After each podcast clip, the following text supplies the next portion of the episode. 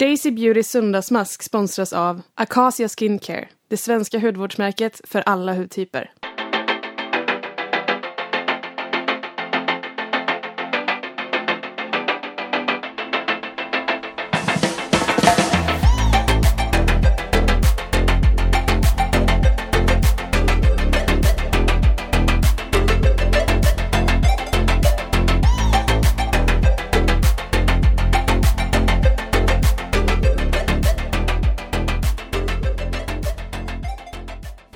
Per Svanberg är en av dem som vet absolut mest om kosmetika i Sverige. Han är doktor i kemi och han jobbar med att bland annat bedöma hur säker hudvård, makeup och hårstyling är både för människor och för miljö. Jag tänkte att jag skulle prata med honom idag om bland annat parabener, silikoner och andra spännande ämnen. Och dessutom ska vi göra söndagsmask ihop. Häng med mig och hälsa på Per på hans kontor.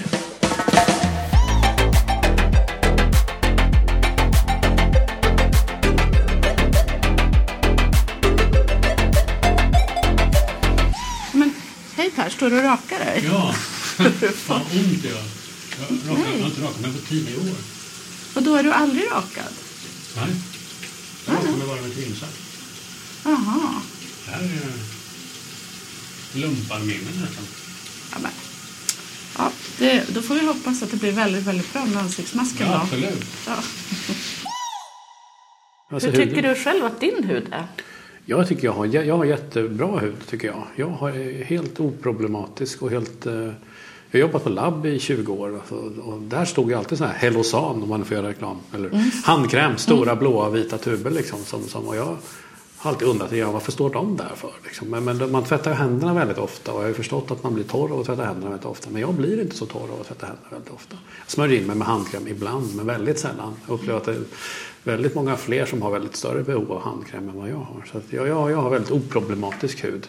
Och idag har du gjort en procedur som du inte brukar göra så ofta, nämligen rakat dig. Ja, idag är jag slätrakad för första gången på jag tror jag rakade mig någon gång för tio år sedan och då skrattade min fru åt mig och sa att jag såg inte klok ut. Så att, och dessförinnan var det nog tio år sedan till tror jag. Så att, eh, och, och sen, ja, I lumpen rakar man så var man ju tvungen att raka sig för man skulle ha sån här skyddsmask och gasmask och sådär. Men eh, Och hur länge sedan är lumpen? ja, det är ju, oj, det är ju 30 år sedan nästan.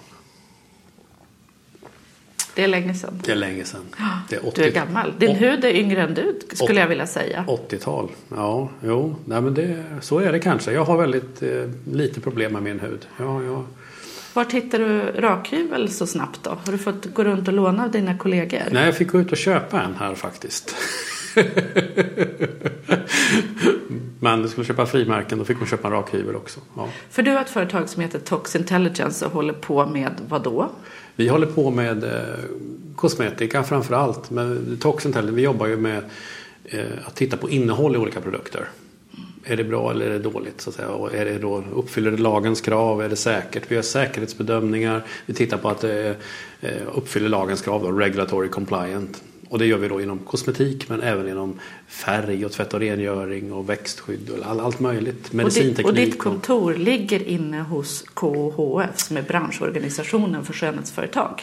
Ja, vi, vi hyr, ett, vi hyr ett, ett, ett rum i Näringslivets hus. Eh, och där är KHF också och många andra branschföreningar. För man kan ju tänka att det skulle vara lätt att hitta lite raklödder och rakhyvlar på det kontoret just. Ja, jo, men det, det, det är det också. Rak, rak, geler, rakskum, rakgeler och skäggolja. Det, det är inga som helst problem. Men just en fräsch oanvänd rakhyvel gick inte i dagsläget att upp, upp, uppbringa faktiskt. Så slätrakad, lite för att jag skickade ett sms som frågade om du var slätrakad eftersom vi ska göra en söndagsmask. Ja, ja just det. Ja, det, det var ju nästan lite ekivokt. Men jag fick ju frågan om jag var slätrakad och det var jag ju inte. Det är jag ju aldrig.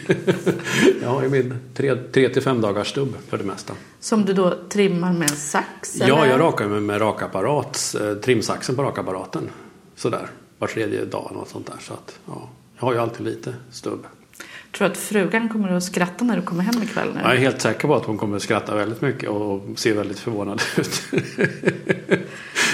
Nu ska du få välja ansiktsmask. Mm. Jag har nämligen med mig två. Först tar jag med mig två små handdukar ifall vi skulle spilla här på fina kontoret. Ja. Eh, Du kan få låna här Ja. en Beyoncé-handduk från Oj. hennes konsert för ett par år sedan. Jaha, Ja, Beyoncé. jag, jag har alltid undrat vad jag skulle ha den där lilla konstiga handduken till. Men nu Mm. vet jag. Det är för att vi ska göra ansiktsmask på ditt kontor med den. Ja, ja. Och sen har jag en liten annan handduk som jag stulit från ett hotell. Jag brukar stjäla små handdukar och linda in vinflaskor i när jag varit ute och rest. Mhm, mm. Ja, en dålig egenskap. Stjäl du vinflaskorna från minibaren då? eller? Nej, jag köper Du dyra köper- vinflaskor och så stjäler jag billiga handdukar. Okej, ja. Jag borde göra tvärtom. Ja. Stjäla dyra handdukar och... Ja. Ja. Stjäla dyra viner och köpa billiga handdukar. Jag har med mig ehm, två masker Mm. eh, från två varumärken som inte är medlemmar hos KHF. Oj. För att eftersom du jobbar så nära KHF så kände Mm. jag att det vore ju eh, mest journalistiskt korrekt att välja någonting helt annat till dig. Och då råkar det bli så att Mm. Ja. båda är ekologiska. Oj, ja. Du är inte alltid så jätteförtjust i alla eh, claims som den gröna branschen gör. Så jag tänkte att det skulle vara lite spännande om du nu var tvungen att Mm. testa ekologiska masker. Ja, absolut. Det är ju spännande. Så det är en från Estelle Till som är ett svenskt märke som heter BioCleanse Deep Cleansing Detox Mask. Och så är det en från Madara som är ett lettiskt varumärke. Eh, och också ekologiskt och utvecklas i, i samråd med universitetet i Riga. Ja. Eh, så, och den heter då Anti-Pollution Charcoal and Mud Repair Mask. Så nu måste du vä- välja här mellan en detox-mask och en anti-pollution mask. Ja, det var ju delikat. Ja. Vad vill man helst då? Bli av med, med gifterna eller bli av med smutsen då? Jag, men jag tror jag väljer den här eh, anti-pollution-masken faktiskt. Så, Mm. Om du kollar på Inkil, ser du några spännande ingredienser där? Ja, då måste jag ju nästan hämta mina glasögon. Ska jag, Jag, jag ser ju lite bättre än dig så jag kan läsa högt. Eh, din hud är definitivt yngre än dina ögon. Om jag kollar Ja. på din Inki. Ja. Eh, nummer två, ett är vatten och sen står det sapropel mudd som är någon typ av lera får man anta. Och det är väl ganska vanligt när det är anti-pollution och så står det ju att det är en mudd repair mask också. Ja, nej, men det är väl själva substansen eller bindemedlet eller vad man ska kalla det. Det som, det som kommer ligga kvar på. Och så är det diatom, diatomaceous earth.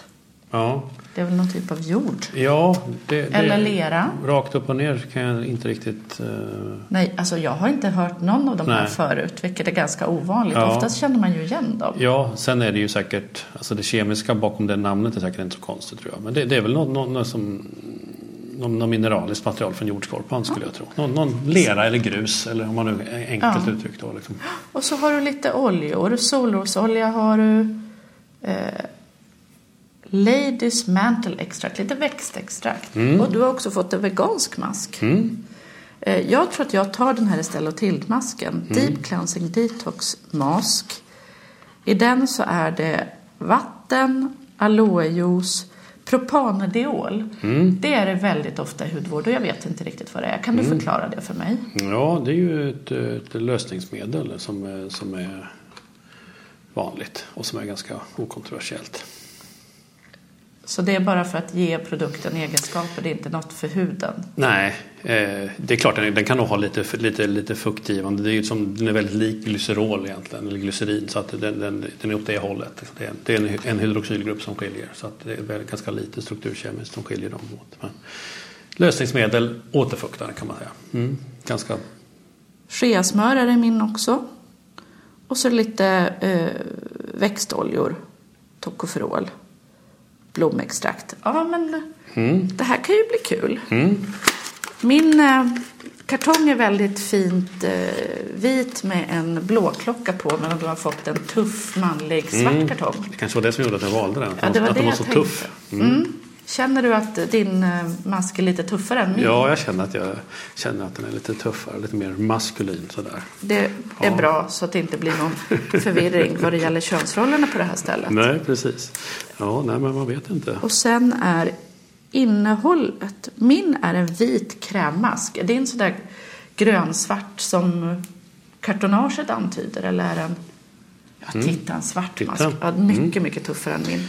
Ja, men Ja, men char, vi gå- charcoal. Så det är väl lite... Ska vi gå på KOFs eh, eh, damrum respektive herrum och smörja på det här ordentligt så vi Mm. får ett tjockt härligt lager i ansiktet? Okej, ja. Let's do that. Det, det gör vi.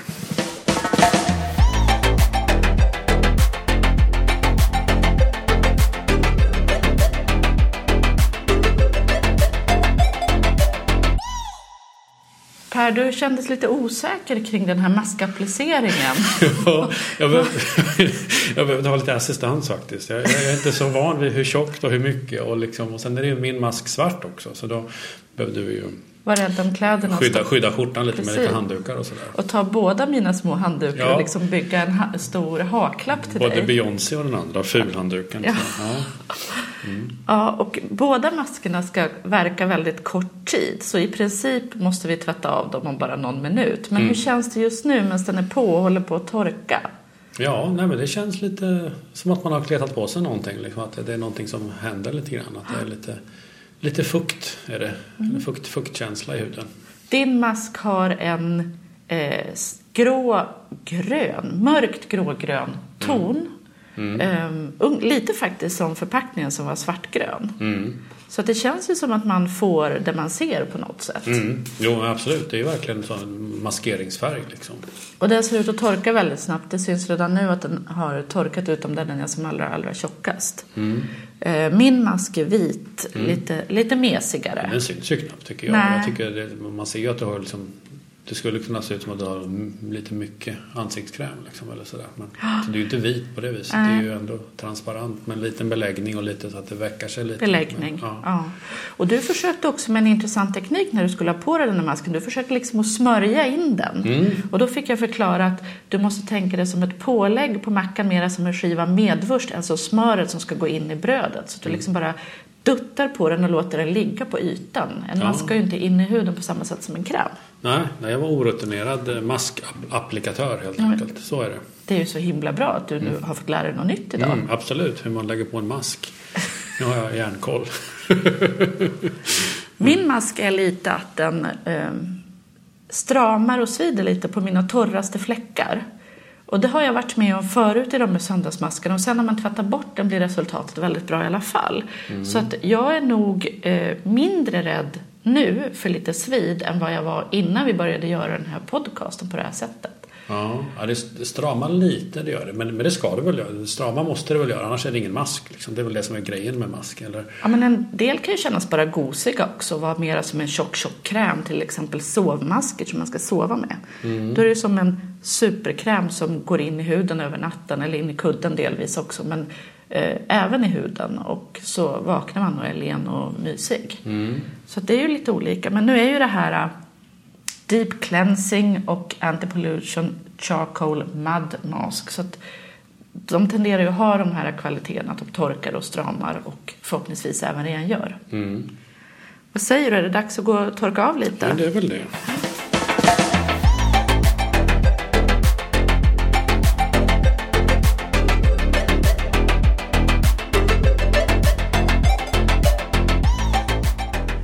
Hur känns det nu i ansiktet, i det nyrakade, nymaskade ansiktet? Ja. Huvudet känns väldigt len. Det gör min också, tänkte jag på. Ja. Det känns väldigt som en barnstjärt. Hur kan man veta om man har blivit detoxad då, som man ska bli av min mask till exempel? Ja, Finns det någon mätning man kan göra eller finns det något man kan titta på? Ja, det där är väl ganska mycket marknadsföring med detox. Liksom både, både invärtes och utvärtes. Hur mycket, alltså på- i ansiktshuden, hur mycket skräp skulle man ha på den? Det, det, det är väl inte så mycket.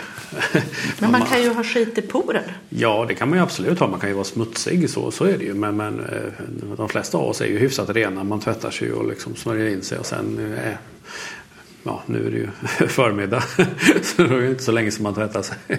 Men eh, och beroende på vilken miljö, om man sopar ett garage då blir man ju smutsig i ansiktet förstås med, med, med damm och så. Men om man jobbar, kanske jobbar man- på kontor så blir man ju inte så smutsig. Om man jobbar i ett garage kanske man skulle behöva din mask då som är anti-pollution. Ja, vad, vad menas det när man säger att en mask eller en kräm eller en mist till exempel är anti-pollution? ja.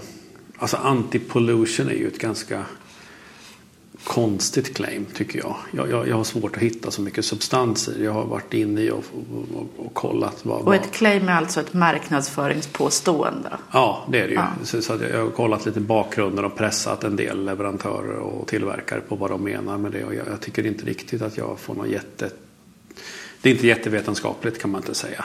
Man kan väl, å andra sidan kan man säga också om man vill vara snäll eller välvillig att man alla krämer eller alla produkter egentligen bidrar till att hålla huden frisk och intakt och skydda den mot sprickor och så vidare. Så på så vis skyddar den ju oss som människor. Liksom. Har man en bra frisk hud då blir den ju mindre genomsläpplig. Då är den mer välfungerande. Och då är den mer anti-pollution? Ja, då kan man väl säga att den, att den, är, att den är både anti-pollution och detox. Men, men samtidigt är det väl liksom, det, det, är ganska fluffiga marknadsföringspåståenden. Så är det ju. Och det här med att... Som bygger på att huden skulle vara smutsig eller huden skulle vara giftig. Och, och det är ju liksom ganska överdrivet för så är det ju inte. Och är man, vill man eh, ta bort smuts snabbt då tar man ju en rengöringsprodukt, en tvål eller en ansiktsvatten eller remover eller vad man nu kallar det. Men antipollution-masken innehåller ju kol. Mm. Och kol som ämne ska ju kunna adsorbera andra ämnen. Mm. Och vad är skillnaden? Du kan väl börja med att förklara vad är skillnaden på absorbera och adsorbera? Ja, eh, ad adsorption det är ju när det fäster på ytan. Och absorption då är det någonting som kan liksom omsluta kan man säga. Som eh. antingen så är det lite mer som en Pacman som käkar upp ett annat ämne och då är det absorption. Ja. Eller så är det någonting som sitter på ytan lite mer som en magnet. Att den här lilla molekylen tar med sig andra ja, ämnen. Ja, som, det, och då är det adsorption. Då är det adsorption. Och, och, för de här det är ju som, som bollar med massor med porer i. Så att adsorptionen blir ju även invärtes i de här porgångarna. Så att den kan ju då ta åt sig väldigt mycket. Och, eh, så om porerna i kolet är fulla av annat. Ja. Då tar den inte bort någonting från huden. Nej, det, det, det har väl också med, med, affinitet och bindningsstyrka då. Det blir mycket kemi i det här. Ja, nu men, blev det mycket ja. kemi.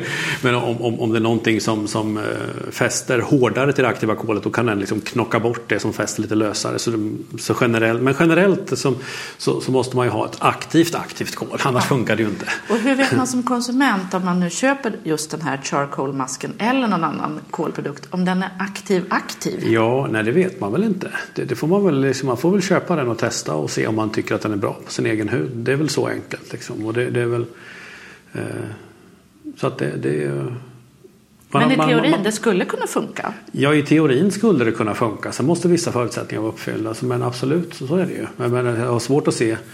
Alltså, ja, i teorin skulle det kunna funka. Mm.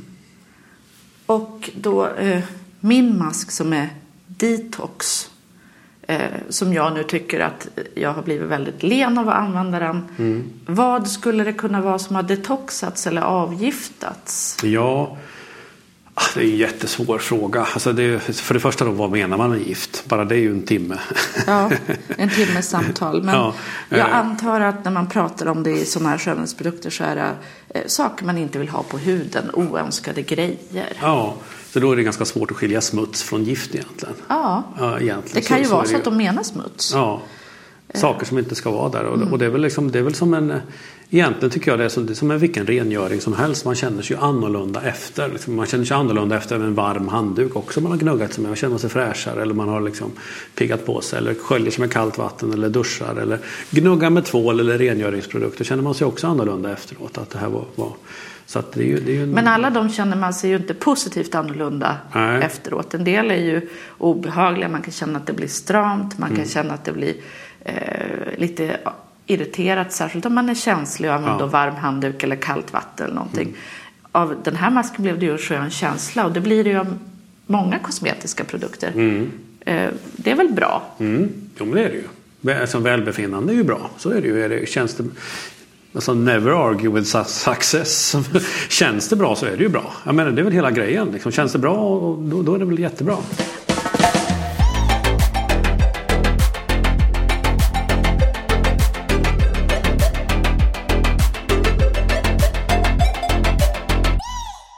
Använder du själv produkter hemma för att de känns bra?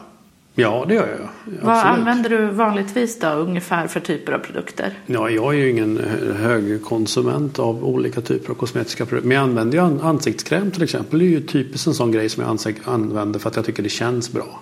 Jag tycker huden känns bättre efter jag har smort in det. Men det behöver jag inte förklara för dig kanske.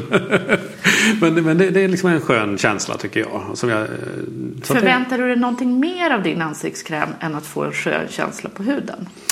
Eh, nej, jag förväntar mig ju att, att, att, den, att den ska vara lätt och lite mer eh, liksom, inbillar mig att det finns en genusaspekt här. Men eh, liksom att den ska vara lätt att hantera, ska vara lätt att klämma ut, det ska vara lätt att smörja in, man ska inte bli kladdig. Det ska liksom, hela proceduren ska gå smidigt utan liksom, kladd och klet och smet och, och konstigheter. Tycker jag. Det, det är vad jag förväntar mig. Och det finns ju väldigt många sådana ansiktskrämer tycker jag som, som uppfyller det kravet. Liksom, som, som, eh, ja, och det här med att ha en bra och hel hud som är lagom återfuktad och så vidare för att den ska skydda oss mot saker utifrån. Det kan ju en hudkräm hjälpa till med. absolut, det gör det ju. Så då är det ju mer än bara en skön känsla. Då är det ju också att se till att huden behåller sin funktion eller återfår sin funktion om den saknar. Ja, den. absolut. Och hud, hudkräm tycker jag är en jätteviktig produkt. Nu ska, det är klart det finns ju cancerläkemedel och så vidare. Men, men alltså det är för att hålla, hålla huden, hålla huden eh, fräsch och, och, och eh, återfuktad och återfettad så är hudkräm jätteviktigt. För att menar, vi, vi tvättar oss ju ganska mycket och ganska ofta. Eh, Det har, det har ökat enormt på de sista 50 åren hur ofta vi tvättar oss och duschar och så här. Det, det, så att det är ju, och, och det innebär ju ett slitage på huden förutom att man känner sig ren och fräsch. Alltså, så rent mekaniskt och rent kemiskt så är det ett slitage på huden. När man, man tar ju bort eh, döda hudceller och så lite Är snabbare. det dåligt att tvätta sig? Nej, det skulle jag inte säga. Men de facto innebär det att huden blir torrare. Så är det ju. Alltså då, då, då, om man tvättar sig ofta så måste man ju ha mera hudkräm. Så enkelt är det ju. Och du när du tvättar din hud, använder du vanlig tvål eller använder du någon speciell ansiktsprodukt? Eh, ja, det är ju i, i, i duschen använder jag ju duschkräm. så där, Men med ansiktet så använder jag, det, det är lite olika. Jag, jag har, har lite olika produkter. Jag testar, jag är lite nyfiken också så jag brukar ha lite sånt som jag, som jag själv är nyfiken på med, med nya men rent så här kemiskt nyfiken att det kan vara något, något skum eller något foam eller någon gel eller så som jag inte testat tidigare. Som jag kan liksom känna känslan av. Liksom att jag kan tycka det är fascinerande med, med den här skumkänslan eller gelkänslan eller mjuka känslan. Eller likadant som med fina schampon. Att man tar en lite och det, så blir det lödder i hela badrummet. kan jag tycka är lite häftigt också. Liksom. Men det är ju mer kanske Konsis- kemi, konsistenser. keminörderi. lite Ja. kons- Konsistens och den typen. Ja. Eh, Annars tycker jag att jag har väldigt oproblematisk hy. Jag använder heller ingen makeup i ansiktet. Så då behöver man ju inte ha så speciella remover-produkter som är Har du någonsin testat eller funderat på att testa makeup? Eh, ja, jag har ju blivit provsminkad och så här vid olika tillfällen. Det är lite kul så. Men, men eh, jag skulle aldrig... Jag är liksom för straight forward på något vis. Jag liksom det, Det är för krångligt för ja, jag dig. tror det. Liksom, lägga, lägga en timme på det där. Och, menar, liksom, samtidigt är jag ganska fascinerad över hur mycket det kan göra i vissa lägen. Det är ju verkligen stor skillnad. Liksom. Men att ha den där Och det kan ju vara rutinen. mysigt att ge sig den där tiden också. Det är också Jo. ett välbefinnande Jo absolut sig. och det tror jag säkert. Tjejer generellt tar ju ganska eller mycket mer tid på sig än vad killar gör både på morgonen och på kväll. Liksom, för att först ska det på och sen ska det av. Liksom. Och det, det är liksom, det är sån här tid som man när man då inte har lagt den tiden någon gång då tycker man, jag tycker nog att det skulle kännas konstigt att lägga två timmar till på det. Liksom. Eller en timme på morgonen, en timme på, eller en halvtimme, en halvtimme eller vad ni nu lägger beroende på dag och tillfälle och så vidare. Eh, En av våra bloggare, Camellis, hon går upp tidigare, före hela sin familj och sitter och tittar på serier och sminkar sig. Och det är hennes egen tid. Och det gör hon då fem, halv sex på morgonen innan resten av familjen kommer upp. Jag tycker det, det säger ganska mycket om vad makeup också kan vara. Ja, nej men absolut. Och det är verkligen, det, det, jag, står verkligen upp för makeup och hela kosmetiksektorn. Eh, för det inte minst det look good, feel better liksom med cancersjuka kvinnor. Att, att om, man, om, man, om man lär dem att sminka sig utifrån deras nya förutsättningar under sjukdomen. Då, man kanske tappat hår och inga ögonbryn och så vidare. Att det gör jättemycket för deras välbefinnande. Och man ska heller inte underskatta att man liksom känner sig fräsch och snygg. Liksom, det är jätteviktigt för den psykosociala hälsan också. Och, har man stora sprickor eller eksem, det är sociala handikapp det där. Så att, att, att man tar hand om sig själv och att man ser så bra ut. Så man, det, det, är verkligen, det är verkligen inte bara sånt där för tjejer. Utan det är verkligen, och man får ju inte dofta illa. Då blir man utstött ur den sociala gemenskapen. Så att jag menar, hygien, mun och tandhälsa, vi har hudcancer med solskydd. Så det är väldigt mycket kemiskt tekniskt också tycker jag i kosmetiken. Och förutom det allt det andra. Så att det, är, det är viktiga produkter. Och även sura gubbar använder ju en 5, 6, 8, 10 produkter med, med tandkräm, Deodorant. aftershave och deodorant. Och, Förhoppningsvis. Ja, förhoppningsvis. Ja, lite grann sådär. Så, så att det, det är ju, ja, det, det är viktigt. Vi har pratat om de här maskerna vi har gjort Mm. eh, och lite av vad de har innehållit och hur de marknadsförs. Mm. Eh, Om man tittar generellt på hudvård, Mm. vilka ingredienser tycker du är bra att leta efter i sin hudvård? Ja. Det är liksom det, det, jag kan tycka det är svårt ibland att säga så här, vissa ingredienser. Glycerin tycker jag är bra, det kan jag säga. Jag det gillar kan, glycerin. Det kan jag alltid säga. Urea. ja, det är också absolut. Men gly, glycerin tycker jag är en jättebra ingrediens. Den är tacksam att prata om. Den, den, är också, den är också väldigt vanlig, väldigt billig. Det är så, världen har nästan problem att vad ska vi använda all glycerin till? För det finns ju i all, alla fetter och oljor, både animaliska och vegetabiliska. Men det är framförallt vegetabiliska man använder i kosmetika. Så det är Så- lite som ett ogräs. Ja men lite grann så. Vad ska vi göra av det här glycerinet då? Liksom? Och sen är det bra. Alltså det, det, har, det harmlöst, det har ingen negativ hälsopåverkan, ingen negativ miljöpåverkan och det är bra fukt, återfuktning. Så, så att, det, är liksom, det är ett jättebra, jättebra. Det är nog den absolut bästa ingrediensen. så, att, så att ibland kan man tycka här, ja, det finns ju allt, varför ska man marknadsföra det? Ja, men jag, jag tycker inte att det är fel ändå för att det är en så bra ingrediens. Men bambu är ju lite samma sak. Det är också ett ogräs Mm. som man kan använda i kosmetik. Till exempel, jag vet inte vart kolet i din mask kommer ifrån, men det är ju ganska vanligt nu att man har bambukol i Mm. de här kolmaskerna. Och det är också något som bara växer hur mycket som helst av. Mm. Det är ett ogräs. Ja, nej men alltså det, det är ju Glycerin och bambu. Glycerin och bambu. ja, nej men så, så är det ju. Det, det, och sen är ju, så det är ju, ja, alltså det finns ju, sen är det ju så Urea, många. vad tycker du om det? Det är en av mina Ja, favoritingredienser. ja, men det är väl också bra. Jag menar, i lagom dos. Som alltid då, det är ju så tråkiga med hur mycket och hur lite. Och liksom, och vilken- Nej, men liksom, förklara det här med lagom dos. Vad är det för något? Ja, men alltså det, det är ju, det är ju debatt, debatten och diskussionerna kring ingredienser och kring kemi och kring produkter blir allt, de blir ju ganska endimensionella många. Det finns arsenik i riset eller det finns kadmium i pastan. Eller det, och det, är liksom, ja, det finns ämnen som har dåliga egenskaper men, men det måste också komma upp i en viss nivå för att det ska hända någonting. Så i riset är det så lite arsenik så det händer inget förrän man äter två kilo ris varje dag. Ja, mig vetligen har man inte sett någon negativ liksom, på populationsnivå effekt bland de i Asien som äter väldigt mycket. De äter ju ris som vi äter potatis. Och då skulle man ju tycka sig kunna se en stor skillnad där. Och det har man ju inte gjort vad jag vet. Och hur liknar det här kosmetiken? Ja men det, är- det är lite likadant då, både liksom, åt båda hållen då. Liksom, om man har för lite i då, då, då kanske man inte kan ha substans bakom sitt claim då. Att visst det innehåller, mm, mm, mm, men det är bara så lite att det har ingen effekt på produkten. Vad tycker du om mineralolja som kosmetikingrediens? Jag tycker att, den är, jag tycker att det är bra. Varför det, är den bra? Ja, alltså den, den är inert, alltså den är stabil. Eh, så att det, händer ingenting med den och det gör ju att man behöver inte ha några andra tillsatser eller liksom stabilisatorer som gör att den inte går sönder som man måste ha med vissa vegetabiliska oljor. Det är en fördel. Eh, och det är en ganska stor fördel att den är stabil. Eh, och sen är den ju billig, den reagerar inte med någonting annat, den interfererar inte med någonting annat. Och sen det negativa kring det, det är ju då liksom den här råttan i pizzans gröna om att täppa till porerna, det är ju inte sant. Men det som är negativt på riktigt det är ju då att den är från fossilt ursprung. Så den är inte förnyelsebar. Så men ur det stora hållbarhetsperspektivet kan man ju naturligtvis ha synpunkter. Eh, Men, men å andra sen- sidan, det är ju heller inte okontroversiellt om man skulle ha en vegetabilisk olja. Vi har ju debatter om palmolja. Vi har ju liksom, om, man då, om man då inte vill ha palmolja, inte vill ha petroleum, ska man då ha olivolja eller ska man ha solrosolja? Eller ska man plundra Marocko på deras argannötter? Eller var ska, man, var, var ska oljan komma ifrån? Var ska fettet komma ifrån? Någonstans ska vi ju ha det då, tycker vi ju. Att, Om man pratar med hudterapeuter om mineralolja så tycker ju många att den inte är så aktiv och att man hellre ska välja något i sin hudvård som har mera effekt på huden. Medan andra då tycker att den är bra för att den är okklusiv, det vill säga den håller inne fukten i huden så att den inte dunstar och försvinner. Ja, men jag kan båda har väl rätt. Liksom, det är väl liksom också, vad, vill man med sin produkt? Liksom, det, är också, jag menar, det är kosmetika vi pratar om och det kan jag ibland ha lite synpunkter på. Att man, många vill att det ska liksom rädda världen från svält och göra allting annat också. Men det är en kosmetisk produkt som ska, om vi pratar hudkräm, återfukta eller återfetta eller se till att huden är smidig och känns bra. Det är det en hudkräm ska göra. Sen om man vill att den ska föryngra, den ska täppa till, den ska släta ut, den ska ta bort fina linjer och rynkor. Ja, det där är väl tveksamma liksom, claims då. Liksom. Det är temporärt, det är det ju så med alla krämer att de jämnar till och fyller ut. Men, men hur aktiva de ska vara, det, det är ju liksom upp till var och en. Men, men kosmetika är kosmetika och ska det vara jätteaktivt och göra jättenytta då kanske man hamnar åt det medicintekniska eller läkemedelshållet. Då, så att, eh, eh, Finns det någon ingrediens i vanlig icke receptbelagd kosmetika som faktiskt har vetenskapligt bevisad effekt på huden?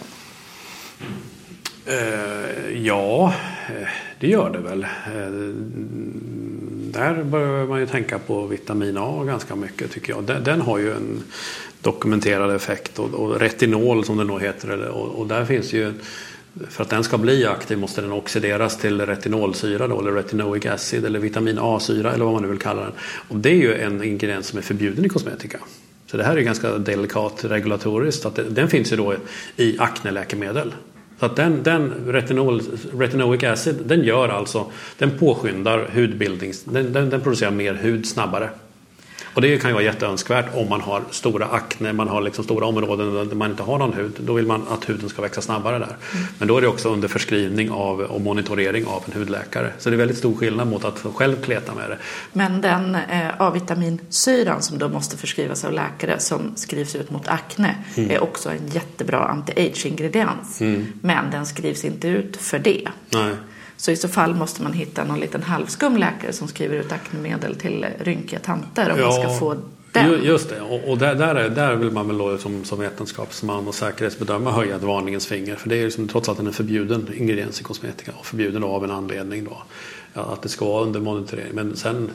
För det finns, det finns ju skönhetsnördar som köper A-vitaminsyra i andra länder. Mm. Man kan dels beställa från, eh, på nätet. Mm. Men man kan också resa till andra länder där det säljs på apotek men över disk så att du inte behöver recept.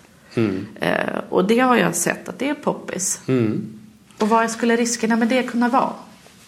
Ja, nej, men att, man, att man sliter på sin hud. På, de, är, alltså, de här substanserna är ju då klassade som reproduktionstoxiska. De, de, de interagerar med, våra, med, med vår kropp på ett sätt då, som, som eh, som man kanske inte ska göra. Vad betyder reproduktionstoxisk? Ja, det, det är ju en fackterm då i kemikalielagstiftningen. Som, som, och det är ju kanske konstigt för många att höra att en vitamin kan vara reproduktionstoxisk. Men, men, men vad det. betyder det? Eh, att den kan då skada fertiliteten, då, förmågan att reproducera sig. Och den kan också eh, ge defekter på avkomman. Så att avkomman kanske inte kan reproducera sig. Eller avkomman blir defekt på ett eller annat sätt.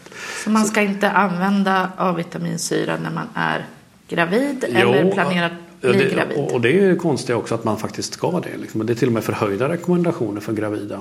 Men återigen det här med dos då. Vilket dosintervall ligger man i? Och en gravid kvinna ska ju faktiskt skapa en ny människa. Och det är ju ingen normal situation. Så då, kanske det, då, då, då, ska hon producera ett nytt skelett, hon ska producera nya celler och ny hud på det här fostret. Liksom, så då är det special. Så då kanske det är önskvärt till och med att man producerar lite ny hud lite extra snabbt och invärtes så att säga. Så och, det, och, det, och det är därför man måste ha läkare inblandade? Ja, absolut. Det här det, kan man ju inte hitta på själv. Nej, nej, nej. Och det är ingenting som jag tycker, jag kan verkligen inte uppmuntra till att laborera med sånt här. Men det finns ju alla möjliga konstigheter. Det finns ju de som, men man kan ju bleka tänderna med väteperoxid och köpa jättestark väteperoxid, sånt som inte är tillåten i Europa. Då, då, man bleker ju tänderna. Men vad, vad innebär att man bleker tänderna? Jo, att man tar bort det yttersta smutslagret på emaljen. Man tar kanske bort någon nanometer med emalj också så att man får tunnare tänder. Alltså nu, nu spekulerar ja. jag lite grann, men jag bara tänker rent kemiskt. Liksom, att det, det är ju det det innebär. Och håller man på med det för mycket så, så kanske man, ja det, det kanske inte är så bra. Rätt för det har man inga tänder kvar. Ja, det, det är ju en risk.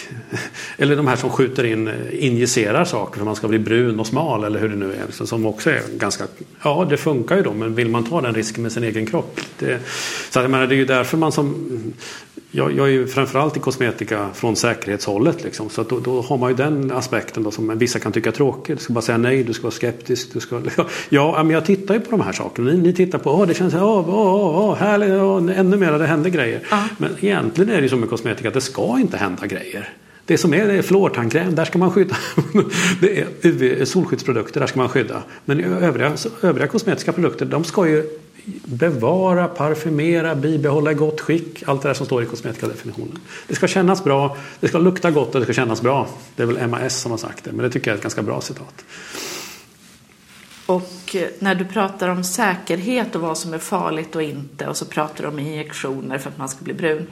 Jag tror att många förstår att det kanske är en dum idé att göra injektioner på sig själv för att bli brun. För det mm. känns lite mer drastiskt än att använda en kräm. Mm. Finns det även krämer, kosmetika, där man ska vara lite försiktig ur säkerhetssynpunkt? Är det någonting man behöver tänka på eller ska undvika i för stor mängd? Eh, ja, Förutom retinolen då som vi redan har pratat om. Ja, nej men alltså generellt så är det ju så att, att, att eh, pr- produkter ska ju säkerhetsbedömas innan de släpps ut på marknaden. Så att produkter är ju säkra som kommer ut i Europa. Eh, och det är ju, det är den utgångspunkt man måste ha. För att det, det är ju, sen finns det säkert alltid någon som fifflar eller inte gör en säkerhetsbedömning eller eh, mixtrar med innehållet eller byter förpackning eller parallellimporterar. Sådana där grejer. Men om, om vi utgår från att det går som det ska så är ju alla produkter i Europa är ju säkra. De är, det, vi har en jättesträng kosmetikalagstiftning. I Europa ja, men resten av världen då? Om man är ute och reser, vågar man köpa vad som helst? Ja, så generellt så är väl, alltså de, de, det är klart att Europa har nog strängare lagstiftning än många andra. Nordamerika har ju också, det skiljer sig lite grann, men, men det, det har också eh, och sen kan jag inte lagstiftning alla på alla kontinenter, men man kan väl misstänka att lagstiftning kanske är lite mindre sträng och lite mindre kanske kontrollerad på andra, vissa andra ställen. Då. Men, men det får man ju det får man ju använda sitt eget omdöme tycker jag. Det, är väl som om man är ute och reser generellt. Vilken bakgata man ska gå på eller inte. Så Europa och Nordamerika är stränga Ja, och det, säkra. ja men det är de ju. Det, det, I Nordamerika finns det ju en massa viten och advokater som du känner till också. Så, så det är lite mer vilda väst. Men händer det någonting kan man råka väldigt illa ut. Att, eh, Och här i Sverige har vi haft en debatt för ett par år sedan om de cykliska silikonerna. Mm. Cykliska siloxaner. Och då var du väldigt eh, profilerad i debatten Mm. och sa då att det finns i kosmetika och det ska, är en sån ingrediens man ska vara försiktig med att använda för mycket av. Ja, det, det, var ju också baserat på en SCCS opinion då när man sa att den aggregerade exponeringen då, det vill säga om man använder flera produkter som innehåller de här då hamnar man på en säkerhetsnivå som inte var säker. Eh, och det är, ju, det är ju då väldigt relevant om den ingrediens som är vanlig. För då, då utsätts ju väldigt många för en aggregerad exponering. Det vill säga man använder en ansiktskräm, en, en handkräm och en bodylotion och ja, så, så vidare. Så, så, så blir det ju den samlade exponeringen större än produkt för produkt. Så att det kan ju vara relevant att tänka på vid sådana tillfällen. Då. Eh, och de här cykliska silikonerna de, de har ju de har ju väldigt dåliga miljöegenskaper framför allt. Det är ju det, är ju det som kanske inte lyftes tillräckligt i debatten kan jag tycka. Men som nu har väl också varit tydligare när ECHA, då, den Europeiska kemikaliemyndigheten, har klassat de här siloxanerna som eh, eh, väldigt svårnedbrytbara och väldigt bioackumulerande. Alltså enkelt uttryckt som miljövärstingar. Det är ett av de miljövärstingkriterier som man kan bli reglerad för i Europa. Då. Och det kommer de då att bli också. Den 31 januari 2020 tror jag de blir reglerade i produkter som sköljs av. Betyder det att silikoner generellt är dåliga kosmetikingredienser? Nej, det gör det inte. För silikoner är liksom också, återigen vad pratar vi om då? Liksom det, det är ju samlingsnamn för, för olika ingredienser som har kisel i sig. Det är det som är silikoner. Och det är jätteolika. Alltså det finns Hur ju många finns det? ja, mer än en miljon olika Okej. säkert. Eller ja, hundratusen i alla fall. Många olika. Jag menar, en sandstrand består ju av kiseldioxid. Det, det är ju liksom grus. Liksom kisel, kisel är det vanligaste i jordskorpan tror jag, efter syre kanske. Men, men det är ju, hela jordskorpan är ju 4 eller 5 procent kisel, något sånt. Så det är ett jättevanligt grundämne. Så sand är ju kiseldioxid. och Så det är också naturligt? Ja, det är naturligt. Eh, Sen finns det ju naturligtvis, ja, vad som är naturligt, det blir ju filosofi snart. Men sen gör man ju saker med olika kiselmolekyler så att man blir syntetiskt modifierade kanske för att skräddarsy de egenskaper man vill ha. Sen finns det silikonoljor som då kan vara det finns många olika om dimetikoner som jag tycker är bra ingredienser. Det är raka polymera silikonkedjor som man då kan sätta på olika kemiska grupper på. Så får man olika egenskaper. Så att det, det, finns, vad, vad pratar man om? Silikonolja? Pratar man om sand? Eller pratar man om de här cykliska siloxanerna? Det, det är Och tre hur olika. vet man om det nu är en cyklisk siloxan i ens produkt? Vad är det man ska titta efter på ingredienslistan? Ja, de heter ju cyklotetrasiloxan, cyklopentasiloxan eller cyklohexasiloxan. Och så har de ett samlingsnamn som heter cyklometikon. Och de är det bra om man då undviker i sin kosmetik. För att det finns i väldigt mycket kosmetik och sammanlagt så kan det ha en dålig effekt på kroppen. Ja, den aggregerade exponeringen bedömdes ju inte som säker då. Och framförallt så är det dåligt för miljön. Ja, de, de har ju väldigt dåliga miljö och det är därför har de regler, kommer de att regleras från och med 2020. Och vilka silikoner är bra i kosmetika då?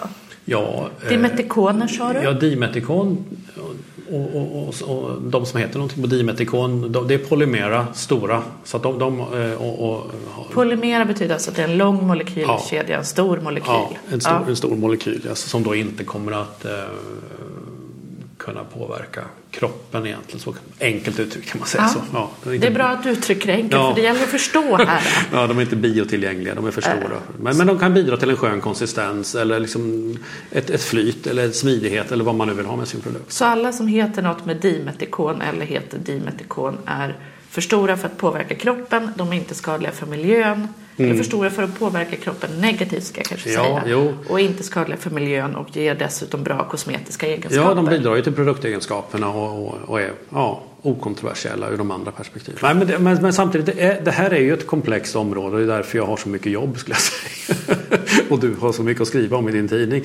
Men folk är så intresserade och, och, och man vill gärna ha det svartvita och så är man den här tråkiga Ja, å ena sidan och å andra sidan. Fast jag är tycker du är en liksom- ganska är liksom- kul lärare. Ja, jo, men alltså just det här med, för att det är ju liksom Folk vill ha allt med kisel är dumt eller allt mineralolja är dumt eller all, all vegetabiliskt är bra eller hur det nu är. Så, enkelt är det ju inte. Liksom, Det är alltid liksom ett alternativ. Om man, om man inte tar paraffin då tar man silikon och tar man inte det tar man kanske palmolja. Tar man inte palmolja tar man olivolja. Men det kunde man gjort så här jungfrulig god olivolja och ätit istället. Eller liksom, Och det hade varit bättre för kroppen än att smörja sig. Ja, ja, ja, om man nu vill ha de effekterna av omättade fettsyror så kan man definitivt äta dem och inte smörja dem på kroppen för de går ju inte igenom i någon större utsträckning.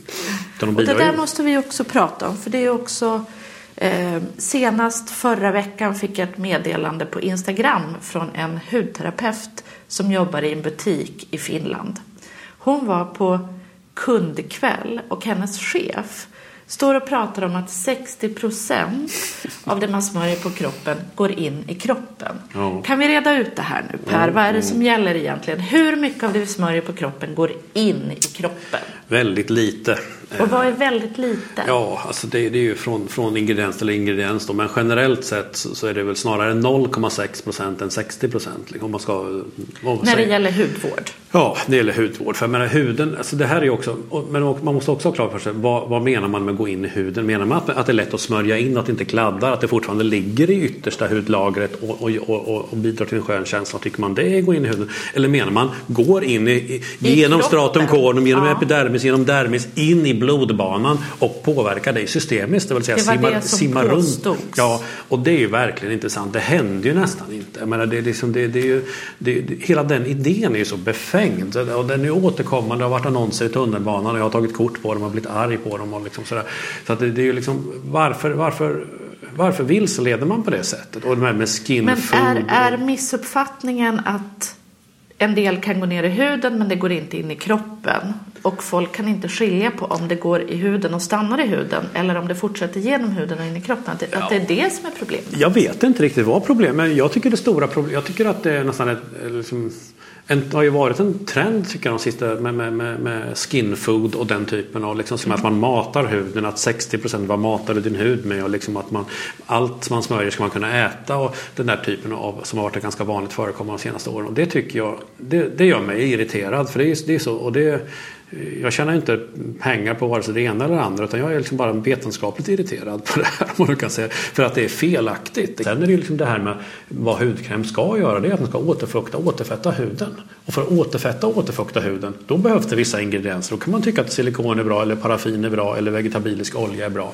Eh, beroende på hur man, hur man, vad, man, vad man har för hud eller hur, vad man har för preferenser. Eller om man gillar ett varumärke eller hur det nu är. Eller om man gillar den produkten helt enkelt. Men det är ju en sak och det är ju hud. Sen vad man äter det är ju mage och tarm. Mage och tarm de är ju till för men äter huden inte alls? Nej, huden äter ju inte alls. Huden är ju till för att stänga ut. Huden är ett organ som är till för att stänga ute och stänga inne. och, och som du vet, man får träna ganska hårt för att svettas några droppar. Liksom. Så det, det, det är inte lätt att komma in och ut i huden. Och de här nikotinplåstren som alltid brukar prata om i de här sammanhangen. Visst går det in lite nikotin, det gör det. Men det har ju forskat 20-30 år på det också. Och de som har slutat röka och, sådär, och vill ha mycket nikotin, de tycker inte att de funkar särskilt bra heller. Men det är trots att det är Och ganska hur bra. mycket av nikotinet i nikotinplåstren går in i huden? Ja, I kroppen? Det är väl inte jag svarade det, men det, jag tror att det, Det ligger någonstans mellan 10-15 Ja, procent, 10, va? 15, 10, 20 procent. Något, Och sånt. då är alltså hudkräm är det mycket, mycket mindre som Ja, det är ju dessutom okklusiva betingelser där det ligger an också plåstret mot huden. En, Ja. en, en kräm är ju, det är klart att vissa ingredienser kan ju gå in och är hyfsat bra men, men generellt sett, men hudkrämerna är ju heller inte designade för att de, de ska ju inte in i blodet. Tänk vilken säkerhetsbedömning det blir då. Då måste man ta hänsyn till systemisk påverkan. Det är ju tvärtom så man vill att den ska lägga sig och göra nytta på ytan. Så att mindre än en procent av hudvård går Ja, in i ja, huden. Det, finns vissa ingredienser som går in 2% det finns vissa som går in 4 och sådär. Men, men, Generellt. Och några som inte går in alls skulle jag säga.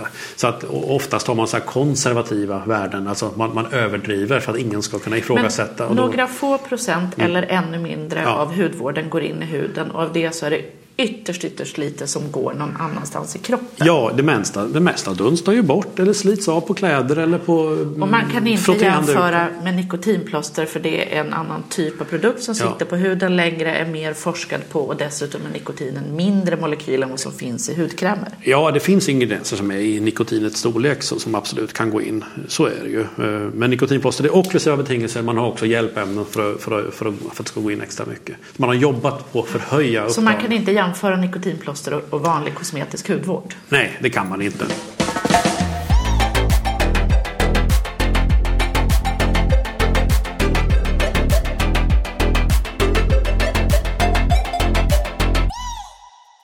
En annan väldigt utskälld och omdiskuterad och omdebatterad ingrediens är parabenerna. Eh, varför är folk så emot parabener? Ja, det har ju diskuterats i tio år varför folk är så mycket emot och det, jag har inte hört något riktigt trovärdigt och bra svar egentligen. Det, det väl Det sägs att parabener ger cancer. Ja, det, är det, är det sägs väldigt mycket men med väldigt många av de grejerna som, som sägs är ju, är ju riktiga råttan i pizzans gröna återigen. Då, det, fin, det finns någon studie för, för länge sedan som, som, som, som, som antydde att det kunde finnas betylparaben i, bröst, i bröstcancertumörer. Men den studien var så låg kvalitet så den har liksom ingen trovärdighet. För det fanns även, även betylparaben i de provrör där det, där det inte skulle finnas någonting.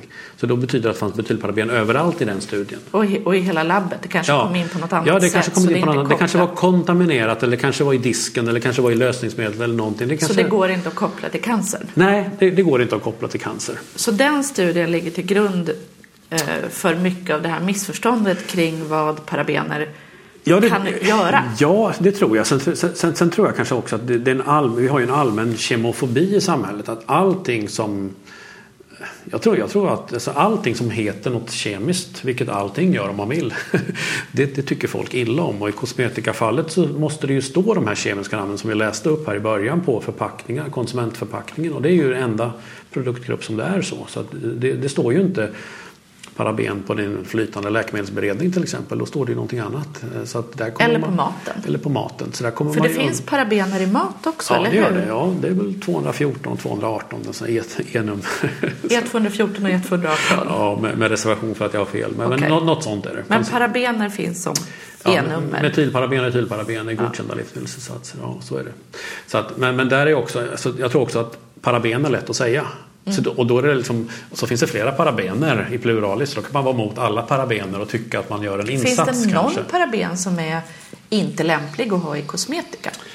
Nej, så parabener är ju konserveringsmedel och det betyder ju då att man är giftig egentligen då, att man dödar mikroorganismer. Så att inget, inget och det måste man ju också ha klart för vilken spelplan har vi här? Vilken, liksom, eh, och alla konserveringsmedel är ju då giftiga, de dödar ju mikroorganismer. Sen kan de vara olika potenta, de kan vara olika mycket giftiga så att säga.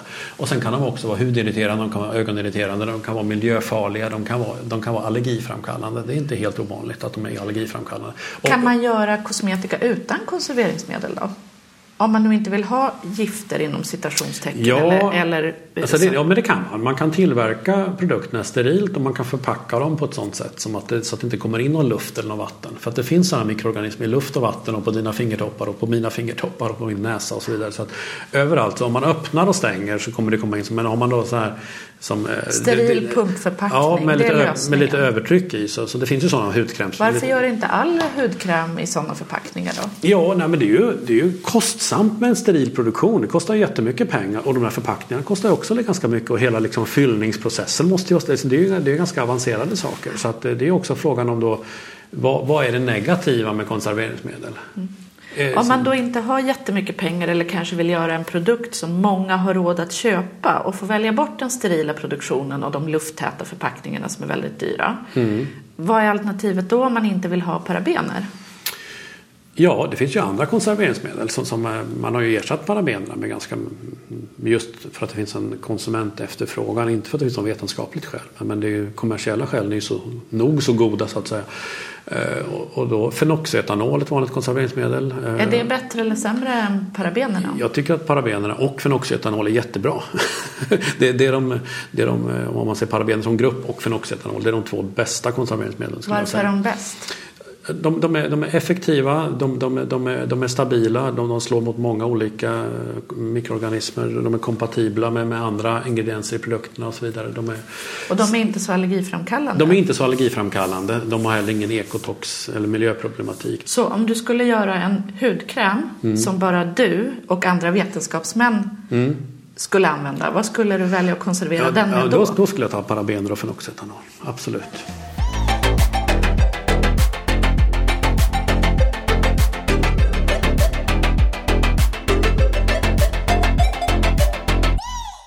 Nu har du gjort ditt livs fjärde ansiktsmask. Ja. Tror du att det kommer att bli fler eller känns det som att det här får räcka nu för 30 år till? Ja, det, det kan nog gå några år innan det blir en ny ansiktsmask. Men jag, jag tycker att det är roligt och öppen för grejer. Så här, Men däremot så är jag väl också lite så här ja, gubbig kanske. Lite, lite mer så man, man gör det man ska liksom sådär. Och, och, jag, jag, hudkräm tycker jag är bra. Liksom det, här, liksom, det är ändå en applikation. Det är sitta still, det är tvätta av och det är liksom stoppa handduk under skjortan. Och, ja, det är lite bök ändå. Så jag, jag, är inte, jag, jag, skulle inte...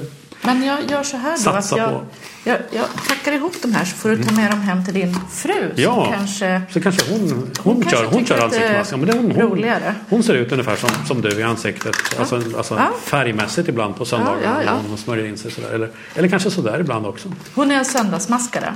Men hon, hon, hon kommer ut och ser ut så ibland. Och det, Mm. det är nog oftast på helgerna. Det kan nog vara på söndagen. Ja.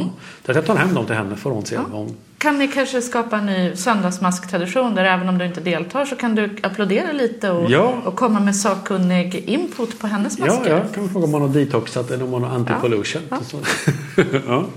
Jättebra. Ja. Tack för idag. ja, tack själv. Det var jättekul. Daisy Beauty söndagsmask sponsras av Acacia Skincare, det svenska hudvårdsmärket för alla hudtyper.